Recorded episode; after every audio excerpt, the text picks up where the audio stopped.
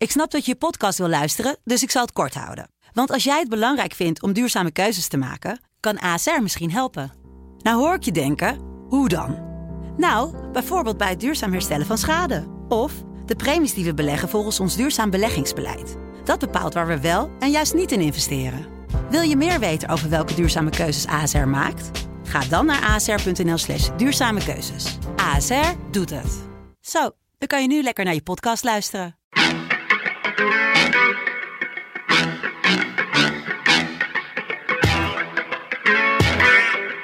Dit is, dit is het land van Wierde. Een podcast van de Telegraaf met analyses op het nieuws die u elders niet hoort. Met Wierde en Robert Ophorst.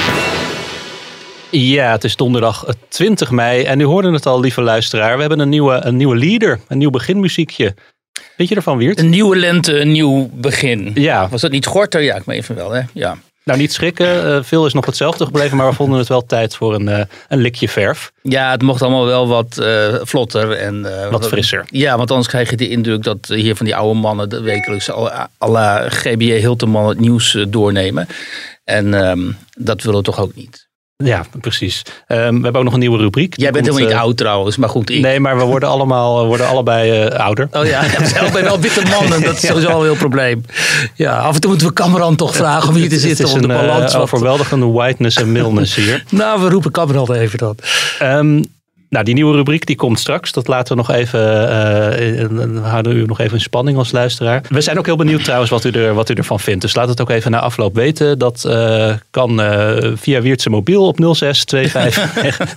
nee, grapje. U, u kunt ons even via Twitter, at Wierdtuk of at Robert1980. Of anders even via de mail w.duk.telegraaf.nl of r.ophorst.telegraaf.nl. En dan de kritiek naar Wiert en de complimenten naar mij. Juist, en schelden mag niet. Maar we, zijn, we horen graag wat, eh, wat jullie ervan vinden. En eh, we zijn altijd eh, blij met alle feedback, vragen, kritiek en opmerkingen. Ja, en we krijgen altijd veel feedback. Dat is heel fijn, omdat die podcast gewoon echt goed beluisterd wordt. En mensen er flink op reageren. Dus daar zijn we heel blij mee. En mensen betrokken zijn. En mensen betrokken zijn. Dus, we, en hè, echt discussiëren over de onderwerpen die we behandelen. Dus dat is allemaal prima.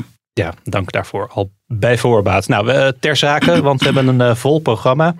We gaan het hebben over eh, de coronaversoepelingen, maar ook over eh, de, de trollenlegers en de extremisten die, zich, eh, ehm, die dat met zich meebrengt. We gaan het hebben over de verrommeling van het, van het Nederlandse landschap. Maar laten we beginnen met Israël, want Ja. daar, was ook, daar is nog steeds een hele hoop over te doen. Jij schreef vandaag, Wiert, in de, een groot stuk in de krant ook. Ooit stond Nederland in tijden van crisis als één man achter Israël. En dat is nu anders. Dood aan de Joden klinkt het eh, in onze straten. In Nederland. Ja, dat kunnen mensen die eh, jonger zijn zich misschien helemaal niet meer voorstellen. Maar in mijn jeugd, ik heb nog onder andere die Yom Kippur-oorlog uit 73 min of meer bewust eh, meegemaakt.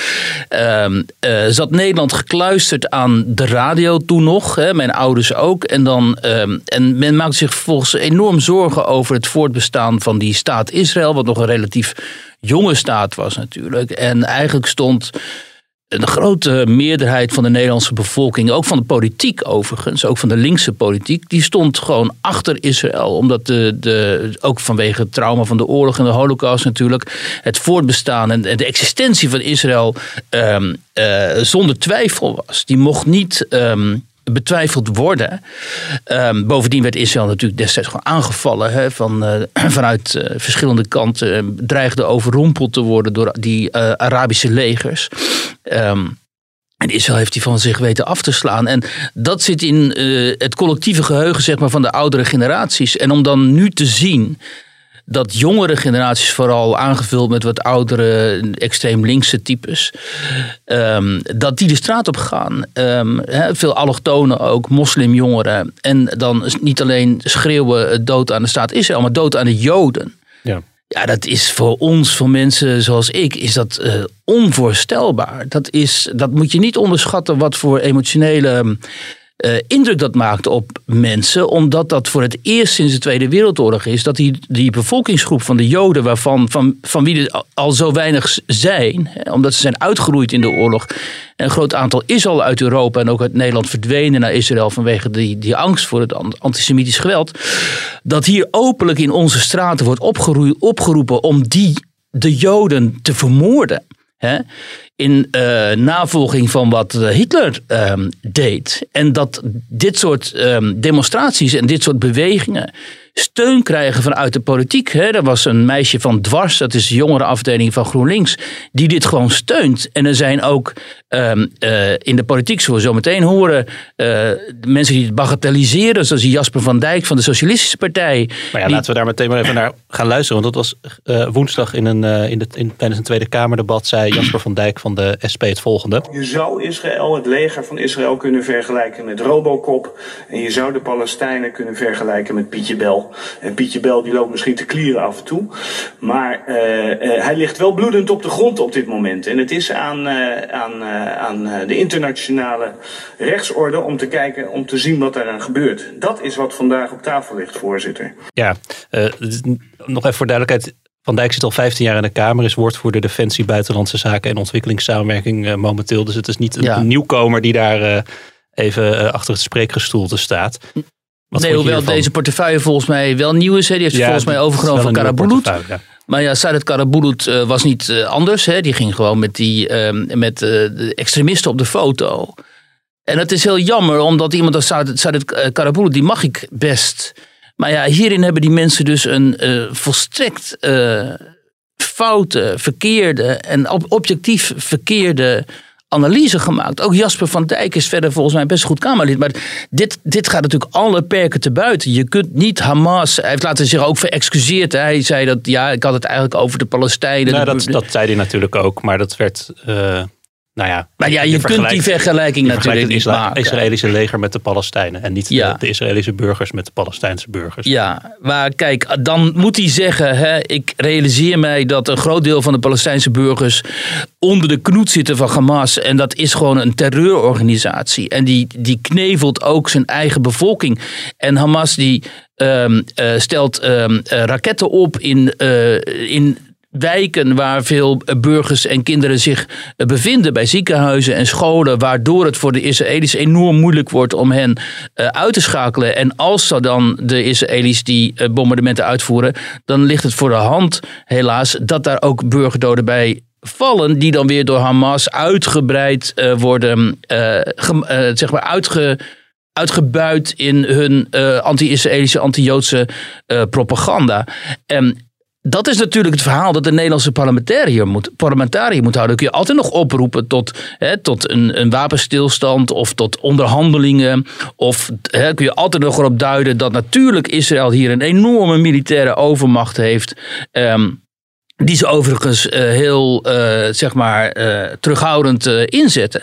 Die punten kun je allemaal maken, maar je kunt niet zeggen de Palestijnen zijn hier Pietje Bel. Omdat dan schaar je dus inderdaad aan de kant van die, um, van die groepen op straat. die in Israël uh, de duivel zien. En wat is nu het. Um, Verder nog ernstig, dat is dat dan uh, Sylvana Simons van B1, die overigens uh, in andere debatten zich een prima nieuwkomer heeft betoond, maar dan vervolgens gaat oproepen tot boycott van het kopen van Israëlische producten. Dat is dus het oude wetse kauf niet bij Joden hè, van de nazi's, die riepen dat ook. Die begonnen ook, uh, die nazi's die schilderden ook de Davidster op Joodse mhm. winkels en andere instellingen. En die riepen de bevolking op om niet uh, bij Joodse winkeliers te kopen. Dat doet Sylvana Simons dus nu. Het is gewoon een rechtstreekse, een hele duidelijke rechtstreekse link naar dat gedachtegoed. Dat is extreem rechts. Hè? Het is ook zo interessant dat al die mensen die zich links noemen, gewoon extreem rechts gedachtegoed nu ventileren. En um, zij was niet de enige, dus ook een hele grote groep, iets van 400 of zo, wetenschappers. Wetenschappers, hè? Ja. die nu oproepen om, de, hun, om de samenwerking met Israëlische universiteiten te boycotten. Onder wie ook Nadia Boeras, dat sowieso al enigszins problematische historica uit Leiden, die wel vaker dit soort activistisch extremisme ondersteunt. Ehm, en een aantal andere usual suspects, suspects, notabene ook iemand van NIOT. Ja, dat, dat, een van die ondertekenaars is de Zuid-Afrikaanse Kylie Thomas, die als onderzoekster is verbonden aan het, aan het NIOT. Dus dan doe je dus onderzoek naar de holocaust. Dat is wel opvallend. Maar dat geeft misschien ook aan hoe, uh, diep, uh, hoe diep die onvrede zit over het huidige uh, Israëlische beleid. Ook bij dit soort mensen. Ja, en je, er is ook wel het een en ander te zeggen natuurlijk over het Israëlische beleid. Daar is ook kritiek op mogelijk. Zeker op wat er op de Westbank gebeurt. En uh, zeker ook uh, als je kijkt naar wat de rechts, rechts, rechterflank daar en de ultrarechtse flank daar.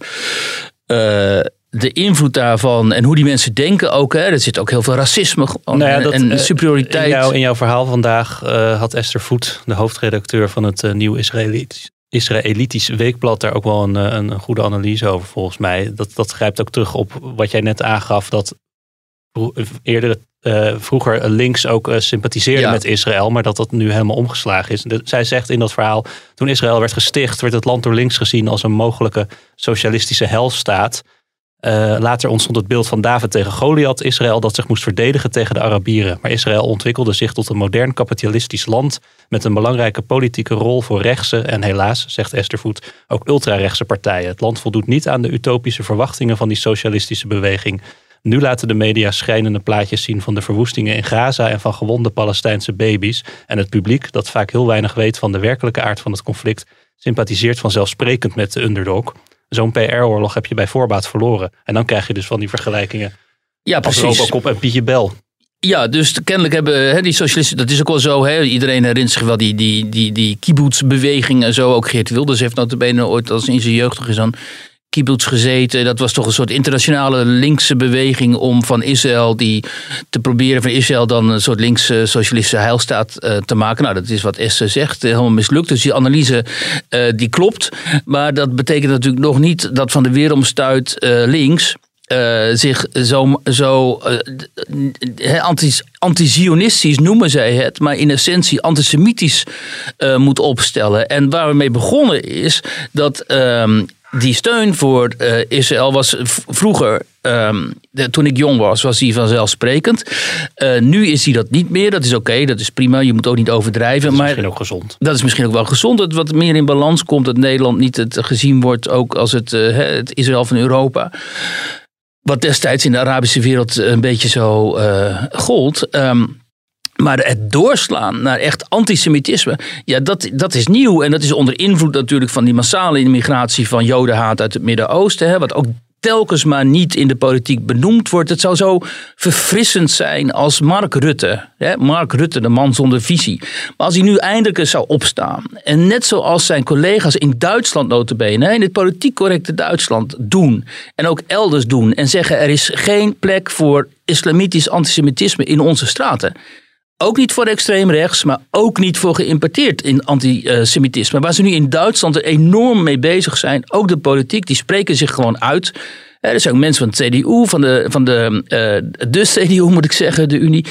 En uh, andere, ook bij de Groenen overigens, hè, die Groenen, die zich uitspreken hier tegen. En die ook heel duidelijk maken waar dit nu vandaan komt. Het komt van alle kanten, hè, wat ook Esther zegt. Het komt vanuit um, extreem rechts.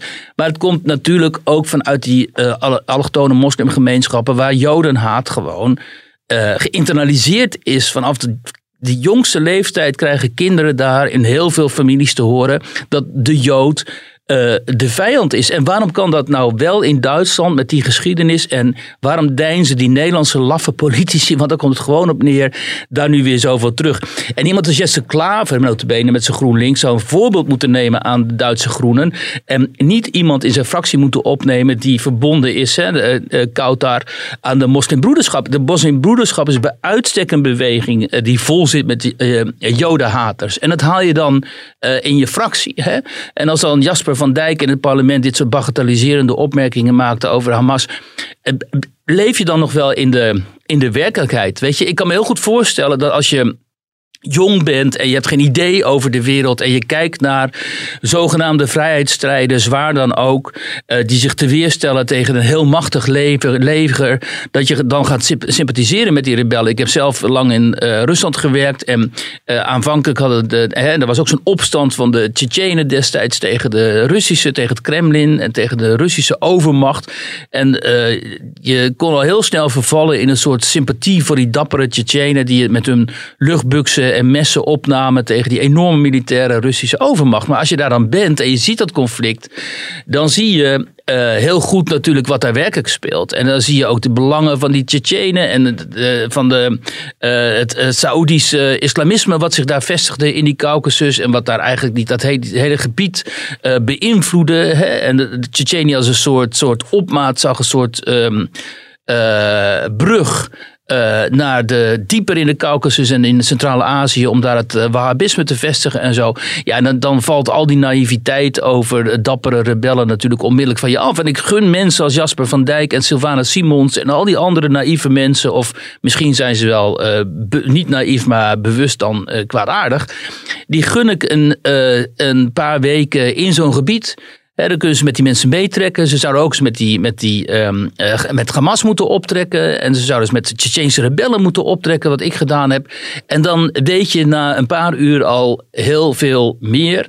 En dan vervolgens kom je terug en dan ben je verbijsterd over dit soort naïviteit in notabene ons uh, parlement. Maar niet alleen in het parlement, ook vanuit de regering, vanuit het kabinet, hè, wat weliswaar demissionair is, maar zich overal over uitspreekt.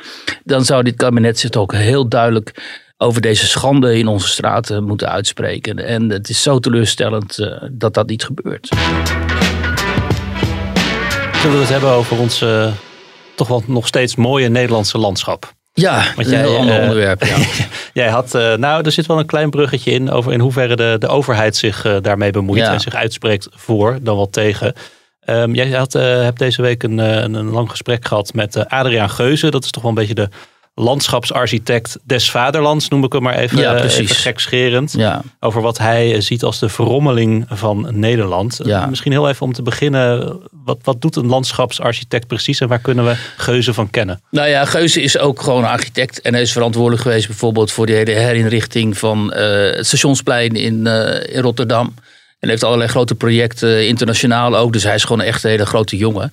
Um, uh, maar hij is hoogleraar dus in Wageningen en dan heeft hij het over het, dat landschap. Uh, hij bouwt dus ook uh, gewoon. En hij is um, om, om allerlei manieren is hij heel erg interessant. Omdat, ten eerste omdat hij ook idioot veel weet. Dus als je met hem praat een aantal uren, dan krijg je heel veel kennis tot je. Over ruimtelijke ordening, over het Nederlandse cultuurlandschap, zoals hij dat noemt, over bouwen, maar ook over besturen en over uh, politiek. En wat hij vooral uh, constateert is dat we eigenlijk uh, te maken hebben met een problematiek die te, te, vergelijken is met de coronacrisis in Nederland, maar dan eh, vier keer erger. Omdat we zowel op het gebied van de volkshuisvesting, hè, er moeten een miljoen huizen worden gebouwd, als op het gebied van het klimaat en wat je ook denkt over klimaat of niet. Maar uh, de Nederlandse uh, natuur, hè, de klimaat- en natuurbehoud. Hè. De Nederlandse natuur is in, door allerlei, om allerlei redenen gewoon ernstig aangetast. En daar moet ook een soort noodplan voor worden bedacht. Als energie, we willen immers naar hè, minder fossiele brandstofgebruik. Dus we moeten over, op die energie uh, daar moeten we ook nog over gaan denken. Uh, en vervolgens ook natuurlijk op uh, het aantal mensen dat hier is. Omdat als we zo doorgaan met immigratie, dan zitten we over een aantal jaren op 20 miljoen Nederlanders. En die zijn helemaal niet te herbergen. Dus dan moeten we gaan denken, om met het laatste te beginnen, aan alternatieven, bijvoorbeeld aan eilanden buiten de kust als we dan die mensen binnenlaten, wat, wat overigens uh, niet wenselijk is. Maar goed, als dat dan gebeurt, vanwege allerlei internationale afspraken. Dan moeten we die mensen ergens vestigen. En dan kun je ze beter vestigen uh, op zee. Mm-hmm. in nieuw, nieuw te bouwen eilanden, steden voor de kust. Dan dat je ze vestigt in het al hele schaarse landschap. En wat hij nu zegt is. Um, Nederland heeft een schitterende planningstraditie. Hè? Ik wou net zeggen, we hebben, we, we, hebben het water bedwongen en het land veroverd. Precies, hij zegt ook, we zijn landmakers. We zijn geen dichters, we zijn geen romantici, we zijn geen, uh, hè, we zijn geen grote denkers, maar we maken land. En we maken land en vervolgens gaan onze schilders dat schilderen. En die maken daar een hele mooie schilderijen van. Dat, dat is Nederland. En dat, is, dat vind ik sowieso als, als eerste sympathiek. Dat hier iemand is die zegt: Maxima heeft geen gelijk. Er is geen Nederlandse identiteit. Hij zegt: ja, er is wel degelijk een Nederlandse identiteit. En dat is dat. We zijn altijd bezig met eh, land. Daar hoorde ik eh, Maxima gelukkig niet meer over in dat interview met Matthijs Nee, inderdaad. En omdat we, en we- we kennen alle klassieke, klassieke clichés hierover. Omdat we land maken, moeten we samenwerken. Moeten we van hoog tot laag samenwerken. Van in die hiërarchieën. En we, want we strijden met z'n allen tegen die zee. Dus daardoor ontstaat ook een soort egalitaire democratische Maar zijn we dat eh, verleerd volgens. Geuze? Nou, wat hij nu zegt is. We hebben een aantal in de geschiedenis een aantal hele grote projecten gehad. Dat begint bij Thorbecke en vervolgens eh, met, met zelfs de bouw van nationale spoorlijnen en zo. En eh Lely natuurlijk, hè, de inpolder, inpolderaar. eh Wieboud, de, de stads, eh, stadsvernieuwing, stadsbouwen en zo. En op een gegeven moment zegt hij, en dat noemt hij dan het verraad van de babyboomers. eh babyboomers nou ja, de Deltawerken hebben we natuurlijk gehad. Het zijn enorme projecten geweest. Hè? En dat, waar Nederland enorm trots op moet zijn. En hij zegt er op een gegeven moment heeft die generatie van die babyboomers, die wel heel veel meer fout heeft gemaakt, dat heeft gedaan, dat is dan mijn, eh, mijn opmerking. Die heeft besloten, oké, die grote projecten, dat is nu voorbij, dat is klaar. Eh, we geven dat nu uit handen en we laten dit, we noemen dat vanaf nu ruimtelijke ordening. En in plaats van dat we eh, af en toe zo'n enorm project optuigen en dat op afstand van de politiek zetten en de ingenieurs en de vakmensen aan het werk laten gaan om al zoekende ook zo'n project uit te voeren over een periode van decennia. ehm, gaan we nu eh, de, de, de managers eh, en de, ook de lokale politici en zo eh, de ruimtelijke ordening laten in handen geven. En dan krijg je dus dingen als waar we het hier ook eerder over hebben gehad. Bijvoorbeeld in Hollands Kroon. Dat, zo'n, dat wethouders op eigen houtje besluiten daar maar een paar datacentra neer te zetten. Van, Heel juist, want, want hier wees dus eh, Geuze ook op. Wat er dan gebeurt is dat op hele vruchtbare zeeklei eh, enorme datacenters gebouwd kunnen worden. Terwijl dat is, een, dat is een gebied waar je landbouw zou moeten hebben. En eh, in plaats van landbouw op die Ja. niet even zandgrond. die, die, die ruimte krijgen die wethouders ook. Dus vanuit hun oogpunt is dat misschien begrijpelijk Nou dat ze denken... zo'n een, wethouder- Een, mooi contract en, een, eh, en, en mogelijk ook nog wat eh, werkgelegenheid. Zo'n wethouder die wil shinen, hè, die, die denkt van wow, ik heb contact met Google en weet ik veel wat voor eh, grote eh, techbedrijven dat zijn. En kijk, mij is daar eh, ontzettend veel geld krijgen om die enorme kilometers lange datacenter te kunnen neerzetten. Waar geen enkele werkgelegenheid is. Hè. Er werken zes bewakers of zo, dan houdt het op. Dus het levert helemaal niks op. En het, en het bederft dus niet alleen in, in aanblik dat landschap. Maar het maakt gewoon ook misbruik van het landschap. Omdat het heel veel ruimte opeist die je veel beter zou kunnen gebruiken voor eh, iets anders. De- Net zo zegt eh, Geuze. Kijk dan naar eh, wat er gebeurt bijvoorbeeld met arbeidsmigratie. Hè. We hebben dus ehm, die kassen bijvoorbeeld. Dan halen we arbeidsmigranten hier naartoe. Eh, en we plaatsen ze op vakantiecentra en in huisjes eh, bij elkaar. Eh, waardoor ehm, er beslag wordt gedaan, gelegd op die, op die sociale huur. Want het zijn vaak sociale huurwoningen. En waardoor die mensen elkaar ook nog eens een keer, met, omdat ze met z'n allen in zo'n huisje zitten, besmetten met corona. Waardoor je dus een gezondheidsprobleem krijgt. En hij zegt, ja, dat is natuurlijk allemaal volstrekt onwenselijk. Dus wat er moet gebeuren is ehm, dat er een autoriteit wordt opgetuigd. Ja, zo letterlijk zegt hij dat niet, maar dat kun je wel zo interpreteren. Dat een autoriteit wordt opgetuigd waarin wordt nagedacht over hoe willen wij nu dat Nederland er over 50 jaar, niet, in, niet nu over 10 jaar of zo, maar over een jaar of 50 uitziet. En eh, waar kunnen we dan nu alvast eh, mee beginnen? Want anders zegt hij. ehm, eh, gaat er heel Nederland eruit zien als een soort roergebied. En het roergebied is natuurlijk toppunt van smakeloosheid en verpaupering en, en, en gewoon onverschilligheid. Ehm, en hij- daar heeft hij ook hele mooie eh, de- details bij. Weet je wel? Hij wandelt hij komt uit Dordrecht en hij wandelt daar graag daar in die polders en zo. En dan zegt hij, ik hoor nooit meer een leeuwerik. En dat is ook zo. Hè? En alle insecten en zo, die, en vogels, zijn, die zijn gewoon weg. Dat heeft allemaal te maken met die hele intensieve landbouw. Maar weet je, en, ook hele, het heeft een goede onderbouwing bij. Zegt bijvoorbeeld, die, door die, ehm, hele zware landbouwmachines, zakt het grondwater heel diep. En waardoor het hele, die, die hele grond die gaat gewoon naar, de knop. En daar kunnen die boeren niks aan doen. Hè? Want die boeren die worden ook niet ondersteund. Hij zegt, we moeten samen met die boeren die landbouw opnieuw uitvinden. We moeten ze niet uitkopen en zo. We moeten ze de gelegenheid geven om een, uh, om een fatsoenlijk bedrijf op te bouwen. Waarmee ze hun familie en gezin kunnen voeden ook. En waarin ze ook een, uh, zodat ze ook een vrouw kunnen vinden, zegt hij letterlijk. Uh, maar dat kun je niet doen door die boeren maar uit te kopen en die, die landbouw ongeveer te verwijderen. Nou ja, zo heeft hij dus allemaal hele uh, goede en uh, interessante verhalen en ja. ideeën. En als ik dat dan hoor, dan denk ik, hoe kan het toch, um, maar ja, dan word ik heel kritisch, maar hoe kan het toch dat je dit vanuit de politiek zo weinig hoort. Hoe kan het toch dat die politiek altijd op korte termijn denkt? Hè? Ook over het klimaat. Van het klimaat moet dan gered worden binnen 20 jaar. Er is nu wel heel veel discussie, ook, ook naar aanleiding van dat gigantische woningtekort. En dan wat je dan vaak hoort, een, brede roep binnen de politiek om, om, om weer, weer de minister van Ruimtelijke Ordening uh, terug te halen. En zelfs een, een minister voor Volkshuisvesting en een minister voor Regionale Ontwikkeling. Dat is geloof ik een van de plannen. Is dat dan een oplossing? Of moet dat Nee, dat vindt hij dus niet, omdat hij zegt, uh, hè, wat vroeger de grote projecten waren, dat is nu dus uit handen gegeven aan procedures. En, uh, en uh, tegenwoordig is het zo, als je een plan hebt en je voldoet aan de procedures, dan kun je, daar, uh, dan kun je dat gaan uh, uitvoeren. Maar in die procedures wordt helemaal niet stilgestaan bij hoe uh, past dit binnen de context van heel Nederland? Mm. En hoe kunnen we, en als je dit bijvoorbeeld in, laten we zeggen, in Brabant doet, wat voor effect heeft dat dan op uh, Noord-Holland? Want het heeft allemaal effect op elkaar. Ja. En uh, dus moet er, um, en de politiek zegt hij, die gaat dat niet, vanuit de politiek ga je dat soort visies niet krijgen, omdat die politici, ja, die hebben dat niet en die denken aan hoe ze herkozen kunnen worden en zo.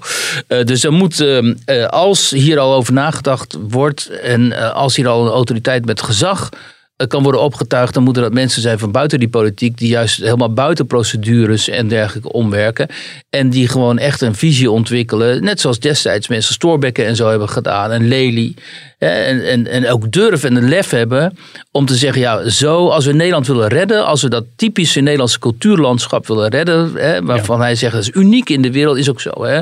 Als je, ik bedoel, mensen realiseren zich dat niet, maar als je naar Twente gaat, of naar uh, de kust, of naar Friesland, of naar uh, uh, Zuid-Limburg, dan kom je in totaal andere uh, landschappen terecht. En die mensen zijn verbonden, de inwoners zijn verbonden ja. met die landschappen. Hun hele denken komt eigenlijk voort uit het landschap waarin ze zijn opgegroeid.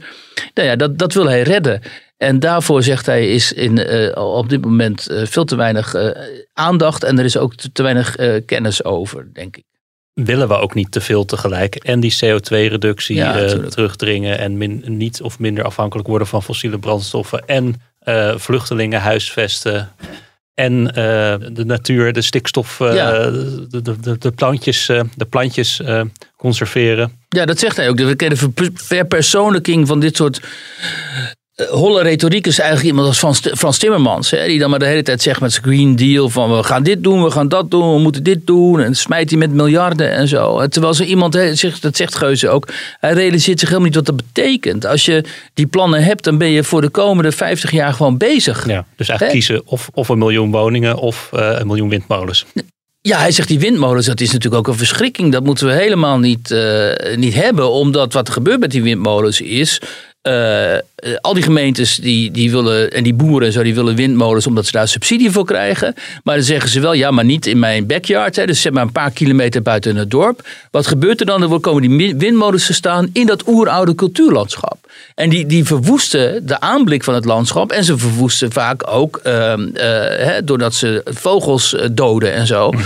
een deel van de, van de natuur. en hij zegt, en dat, dat is dus allemaal heel opportunistisch korte termijn denken. Ze willen die subsidies binnenharken. En vervolgens kan het ze niks schelen um, wie, uh, wat er verder, verderop gebeurt, een paar kilometer buiten dat dorp. Dat kan niet zo, zegt hij. Je kunt niet zomaar op deze manier met die Nederlandse natuur. Die, omdat Nederland is natuurlijk extreem klein. Hij heeft een heel goed voorbeeld. Ja, nu geef ik bijna het hele interview weg, maar goed, het is wel interessant. Hij heeft een heel goed voorbeeld van Zwitserland, zegt hij. Hè? De, net zo klein als Nederland. Um, daar wonen minder mensen. Maar de helft van het land is Alpen. Dus dat kun je bijna niks.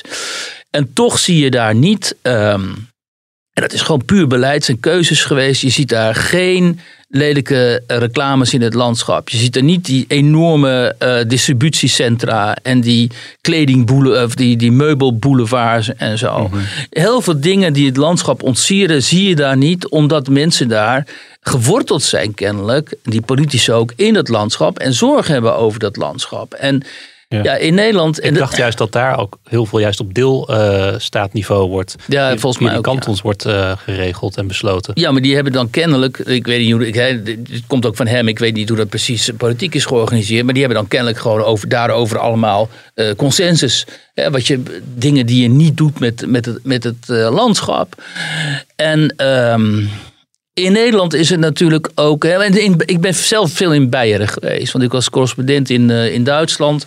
En dan kom je in Beieren en dan zie je. Dat is een cliché ook. Die zie je combinatie laptop en lederhozen. Hè. Dus ze willen en modern zijn en geworteld. En de tradities, aan de tradities vasthouden.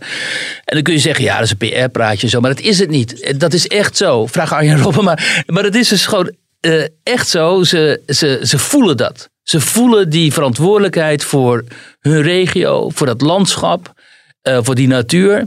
En op een hele andere manier. En daarom zie je bijvoorbeeld ook uh, rechtse CSU'ers vaak samenwerken met Groenen. Omdat ze die, die, die, die, die affectie voor het landschap en de natuur zo delen. Terwijl in Nederland heb ik de indruk of, of je bent, behoort tot die cosmopolitische elite die zich vooral druk maakt over het klimaat op de Noordpool.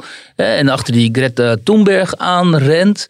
Of je bent een soort conservatieve vorm van democratie aanhanger. Of uh, weet ik veel, of diep, diep conservatief nog ergens in het CDA of zo. Of boer. En je maakt je druk over het Nederlandse landschap. Maar je hoort nooit, um, althans ik niet, ik kan me vergissen. Maar hè, dus nou, mogen mensen op reageren dan. Je hoort zelden mensen als Rutte. Um, mensen vanuit uh, zeg maar het, het, het bestuur, vanuit de politiek. Uh, die uh, zich op een natuurlijke, zeg maar, op een, op een uh, authentieke manier druk maken over die Nederlandse omgeving. Eh, iemand als Scheuze is daarin dus heel bijzonder, omdat hij bij uitstek vertegenwoordiger is natuurlijk van zeg maar, een soort van cosmopolitisme. Want hij is internationaal werkt. Hij heeft een schitterende zijn architectenbureau. Ik geloof ik ook gasthoogleraar aan Harvard. Hij is gasthoogleraar aan Harvard. En hij heeft een schitterend kantoor daar in die, een van die Phoenix, nieuwe Phoenix-loodsen aan het, aan, aan het water in Rotterdam, weet je wel, op uh, Katendrecht. Uh, maar omdat hij zoveel kennis heeft en zo gepassioneerd is over zijn onderwerp, voel je dat hij ook echt geworteld is in dat land. Dat zegt hij ook. Als ik ga wandelen en ik heb een paar uur gewandeld, dan kan ik er weer de rest van de week tegenaan. Dus hij heeft gewoon een, natuurlijke affectie voor die omgeving. En ja, als, ik denk alleen als je dat hebt, hè, dan uh, kun je plannen maken en uh, verder komen. Maar um, in Nederland word je natuurlijk ook al heel snel als een soort. Dat zegt hij zelf ook. De generatie die, als laatste dan. Hè. Hij zegt die generatie die zoveel gepresteerd heeft met de Delta-werken, met de wederopbouw na de oorlog. Uh, er moest zo krankzinnig veel gebeuren. Die hebben dat toch maar allemaal gepresteerd. En die werden vervolgens door de babyboomers, de generatie van 60, die nog altijd aan de macht is eigenlijk. Of hun kinderen zijn aan de macht en die zijn net zo.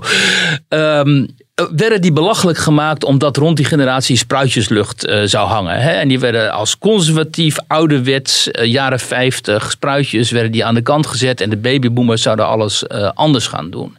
Nou, we hebben gezien waar het, waar het toe geleid heeft. Het is niet heel, niet heel succesvol geweest. En hij wil ook die generatie rehabiliteren. En dat kun je alleen maar doen. Je kunt alleen maar die analyse maken en die blik hebben ook op die mensen. Wat toevallig ook de generatie van mijn ouders is. Als je daar heel onbevooroordeeld in staat. En niet vanuit ideoloog, ideologie denkt, maar gewoon puur vanuit feiten. En, uh, weet je. durf het bijna niet te zeggen, maar je zou zeggen tijd voor een great reset. Uh, nou ja, wat, wat dit betreft. ja, maar dan een andere dan die van uh, Klaus Schwab. Het, het, hele interview met Adriaan Geuze staat zaterdag in onze krant en komt dan ook online natuurlijk.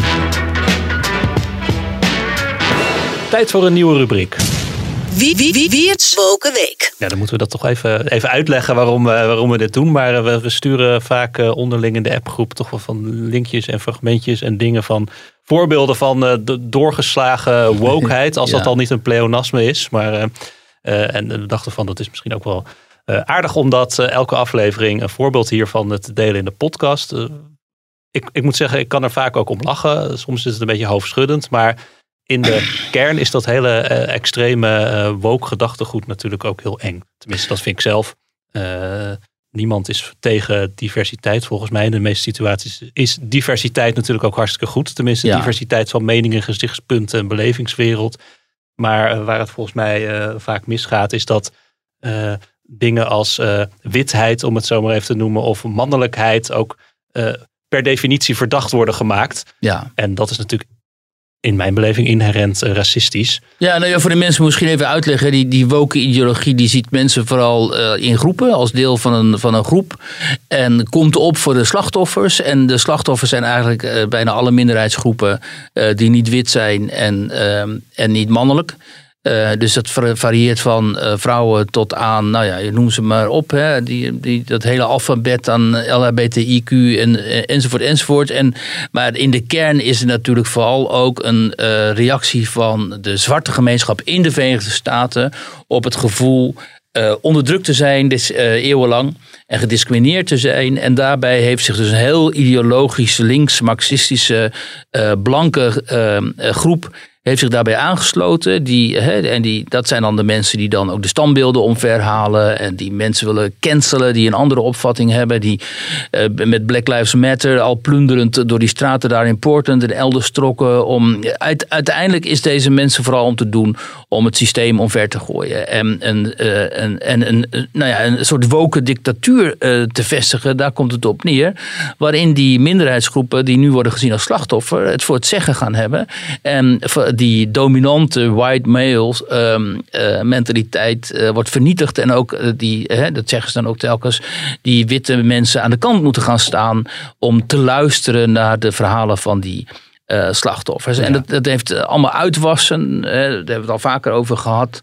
Eh, mensen als wetenschappers die dan gecanceld worden, zoals die Jordan Peterson, weet je nog, die dan niet mag spreken. In Nederland gebeurt het ook. In feite is die oproep van die wetenschappers om nu eh, samenwerking met Israëlische universiteit stop te zetten, is eigenlijk ook een uitvloeisel daarvan. Het gaat altijd om het eh, cancelen van contacten of het cancelen van mensen met een andere mening. En het cancelen gaat dan heel ver. En namelijk, eh, mensen wordt gewoon de mond gesnoerd, al dan niet ehm, verbaal of met geweld. Ehm, en nu, is, eh, en nu willen wij daar af en toe eens eh, aandacht aan besteden. Het, eh, aan, dan kiezen we het woke moment van de week. En dat is nu de burgemeester van Chicago, Chicago, ja. geworden. Dat is Lori Lightfoot. En zij zit twee jaar op haar post. Ja. En journalisten die haar daarover willen interviewen, wel, hoe zij terugkijkt op die twee jaar en vooruitkijkt naar de volgende jaren.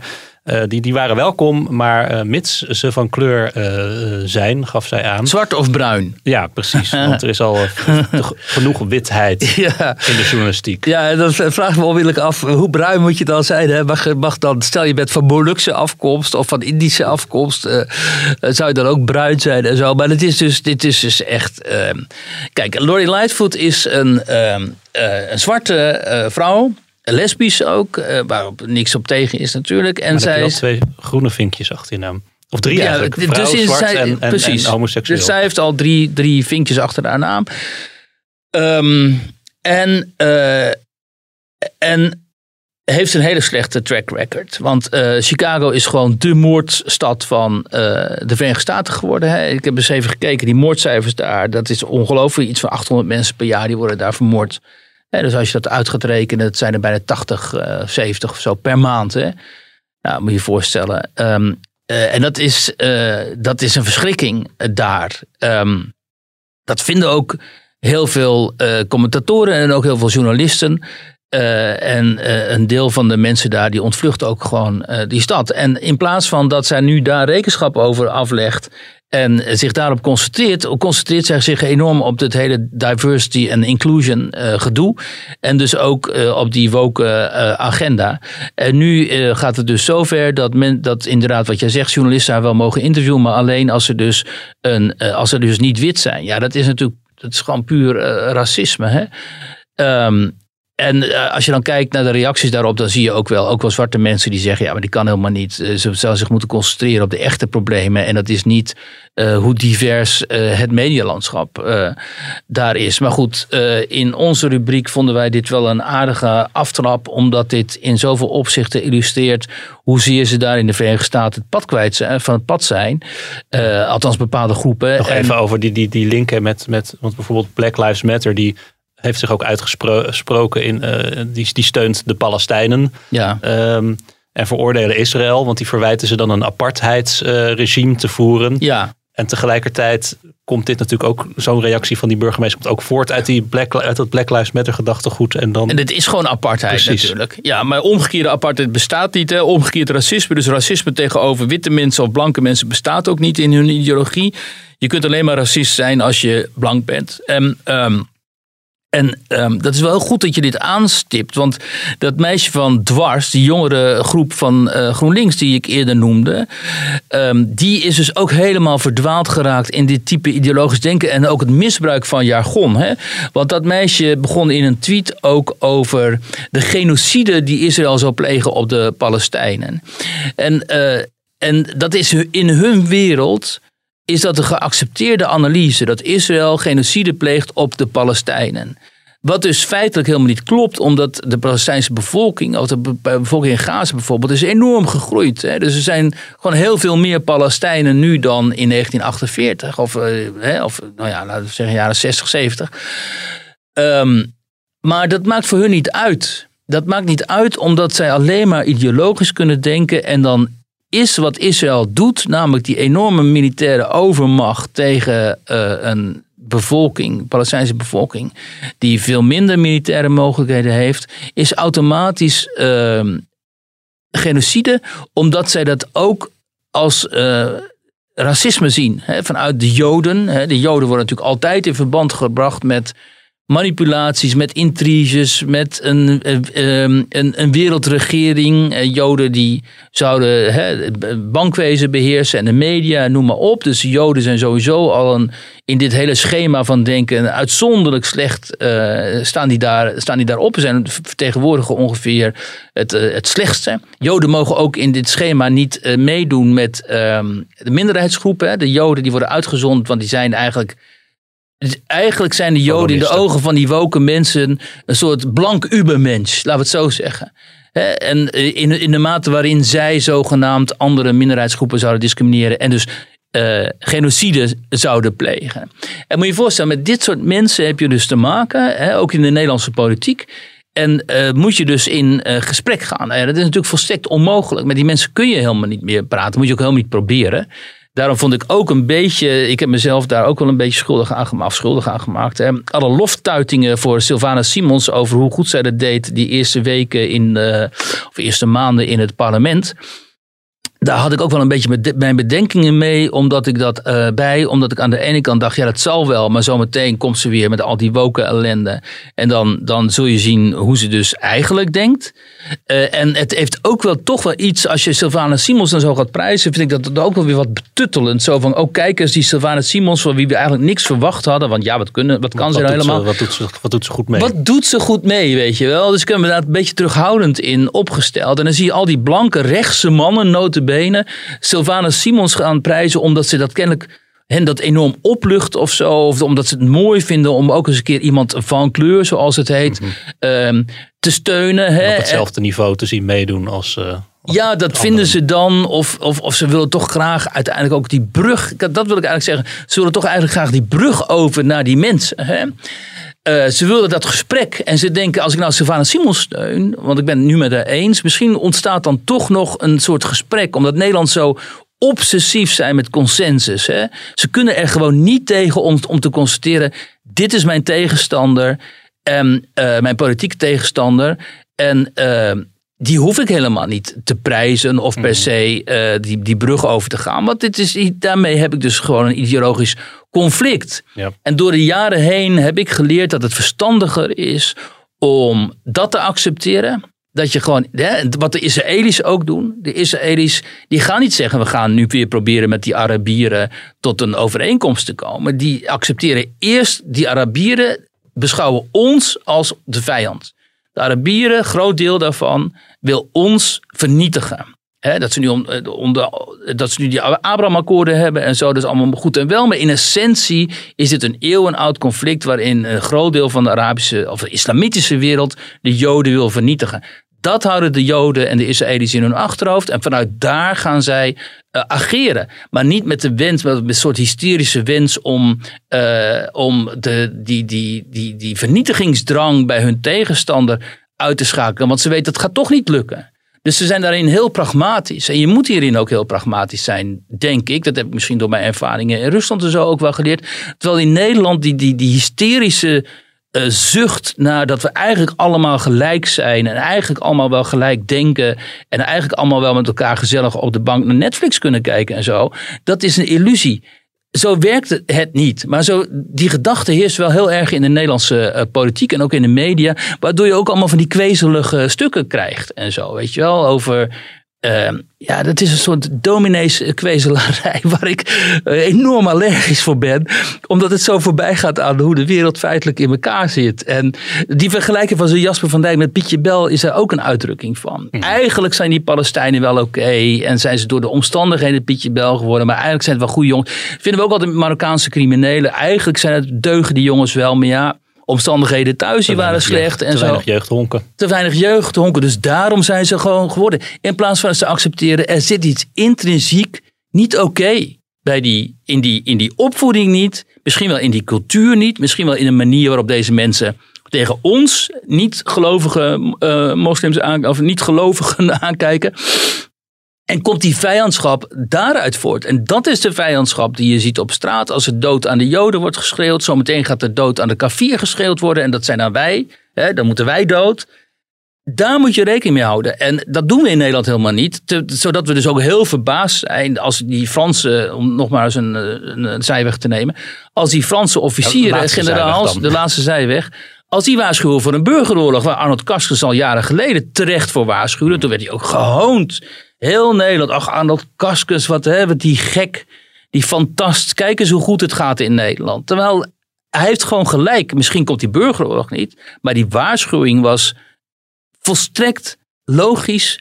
Als je een feitelijke analyse maakt van wat wij in uh, West-Europa hebben binnengehaald. En de problemen waar wij, wij mee te maken hebben. En waarin extremis op dit moment Frankrijk te maken heeft.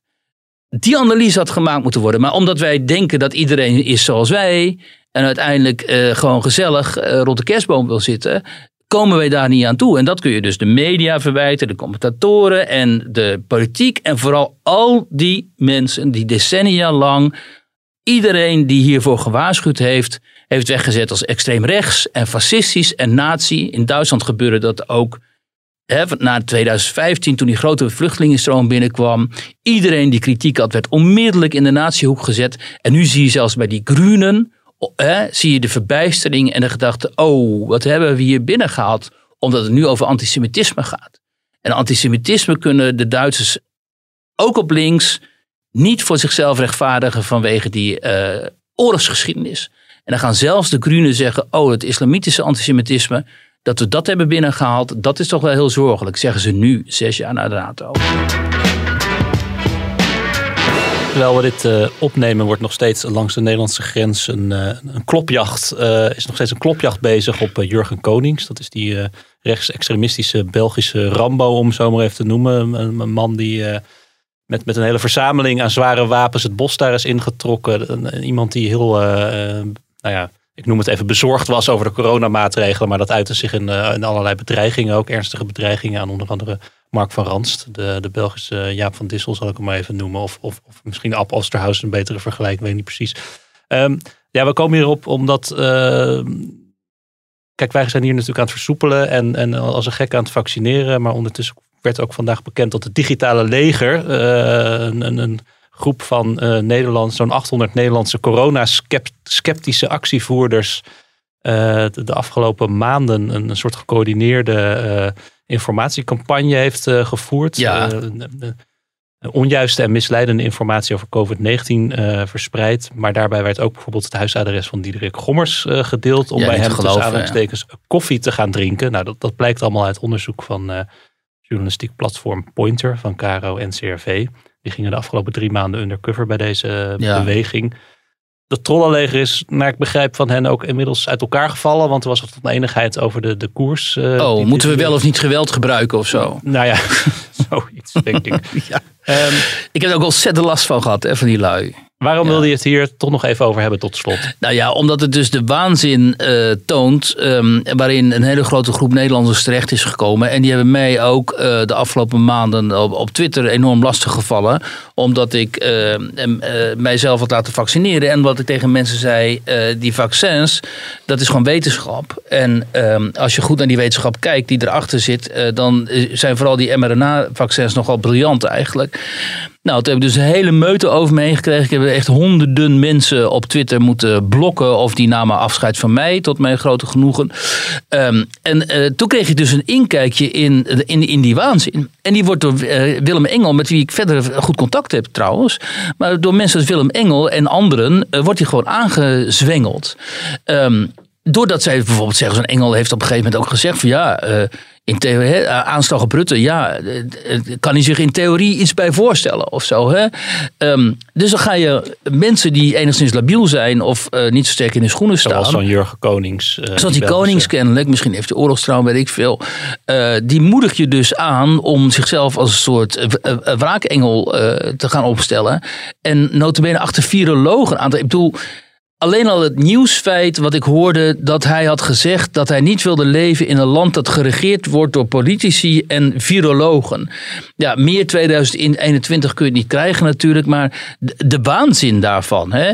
Ehm, want politici regeren sowieso. Dat, dus dat lijkt me sowieso eh, Dat is een weinig opmerking. ontkomen aan. Ja, Ja, dat is geen ontkomen aan. En dan die, die, die, die virologen erbij betrekken. Ja, ehm, in een bepaalde algoritmische bubbel zijn mensen zozeer verdwaald geraakt in het complotdenken en in het, eh, in het onwetenschappelijke denken ook en het antiwetenschappelijk denken zelfs. En ik vind het dus bijzonder kwalijk als je het, de IQ hebt en het vermogen en de analytische en het denkvermogen om eh, daar weerstand aan te bieden. Of in ieder geval om te begrijpen wat bijvoorbeeld een vaccin is en wat een pandemie is en zo. En je doet dat niet en je gaat dat juist eh, uitbuiten. Zoals ook Forum van Democratie heeft gedaan eh, tijdens de campagnes. Hè, en eh, zoals Baudet en zijn eh, ehm, fractiegenoten ook in de Tweede Kamer doen. Zich gewoon niks van die coronamaatregelen aantrekken. En dan gewoon ook andere mensen in gevaar brengen en zo. Ja, dat is natuurlijk heel, ehm, heel ernstig. En ehm, dus daarom wilde ik dit toch nog even te bedden brengen. Omdat ik zelf dus ervaren heb eh, wat voor, tegen wat voor merkwaardige hersenspinsels eh, je oploopt. En die mensen zijn totaal niet te overtuigen. hè. Je kunt ze van allerlei rapporten, analyses, wetenschappelijke stukken sturen en zo. Nou ja, uiteindelijk is het allemaal een gentherapie waarmee eh, George Soros en Bill Gates ons... Ze zijn ook eh, niet ineens eh, genezen als ze zelf corona oplopen. Nee, als ze dan zelf corona oplopen, dan zeggen ze ja, zie je wel, het was maar een griepje. Mhm. Of eh, ja, kan iedereen gebeuren. Als het dan ernstiger is, dan zeggen ze ja, maar ja, griep kan ook heel ernstig toeslaan. En zo kan ook eh, behoorlijk eh, neveneffecten hebben en zo. Dus ze zijn, het is een secte. Eh, maar die is dus wel inmiddels groot. Een groot aantal mensen. En uiteindelijk leidt dit dus misschien tot excessief gedrag, zoals van de, deze meneer. En, ja. ja. Heb jij al je lesje aerobics geboekt? Eh, nee, nog niet. Moet dat? Dat mag weer, want de sportscholen Oh, zijn weer ja. open. Ja, ja, nee, dat eh, is van bij, bij mij er nog niet van eh, gekomen. Maar we zijn wel blij natuurlijk dat dat. Ja, nou, ik, ik, allemaal weer een ik beetje ga zelf zaterdag weer. Maar ik, Oh, zeggen, ik, kon niet, kon niet wachten. Ik ben zelf wel fanatiek sportschoolbezoeker. Oh, Niet- leuk. Niet, niet zoals bijvoorbeeld Hugo de Jonge, die alleen donateur is. Zoals heel veel mensen inderdaad. Die, maar nee, ik, ik ga zaterdag weer, Heel godzijdank. Het heeft Ja. lang geduurd. ja, maar je kon toch fietsen? Ik heb wel gefietst. Ik heb, eh, ja zeker, ik heb gefietst, Ja, gewandeld, eh, opgedrukt. ja. Goed, we gaan er een eh, einde aan breien. Ehm, eh, dank voor het luisteren allemaal. En nogmaals, laat ons weten wat, wat, wat, wat u van de nieuwe, nieuwe muziekje en de nieuwe rubriek vond. Volgende, volgende week wordt de rubriek iets korter, want we gingen nu als inleiding gingen we, gingen we erg lang door. Maar goed, dank Wiert. Dankjewel. Graag tot volgende week.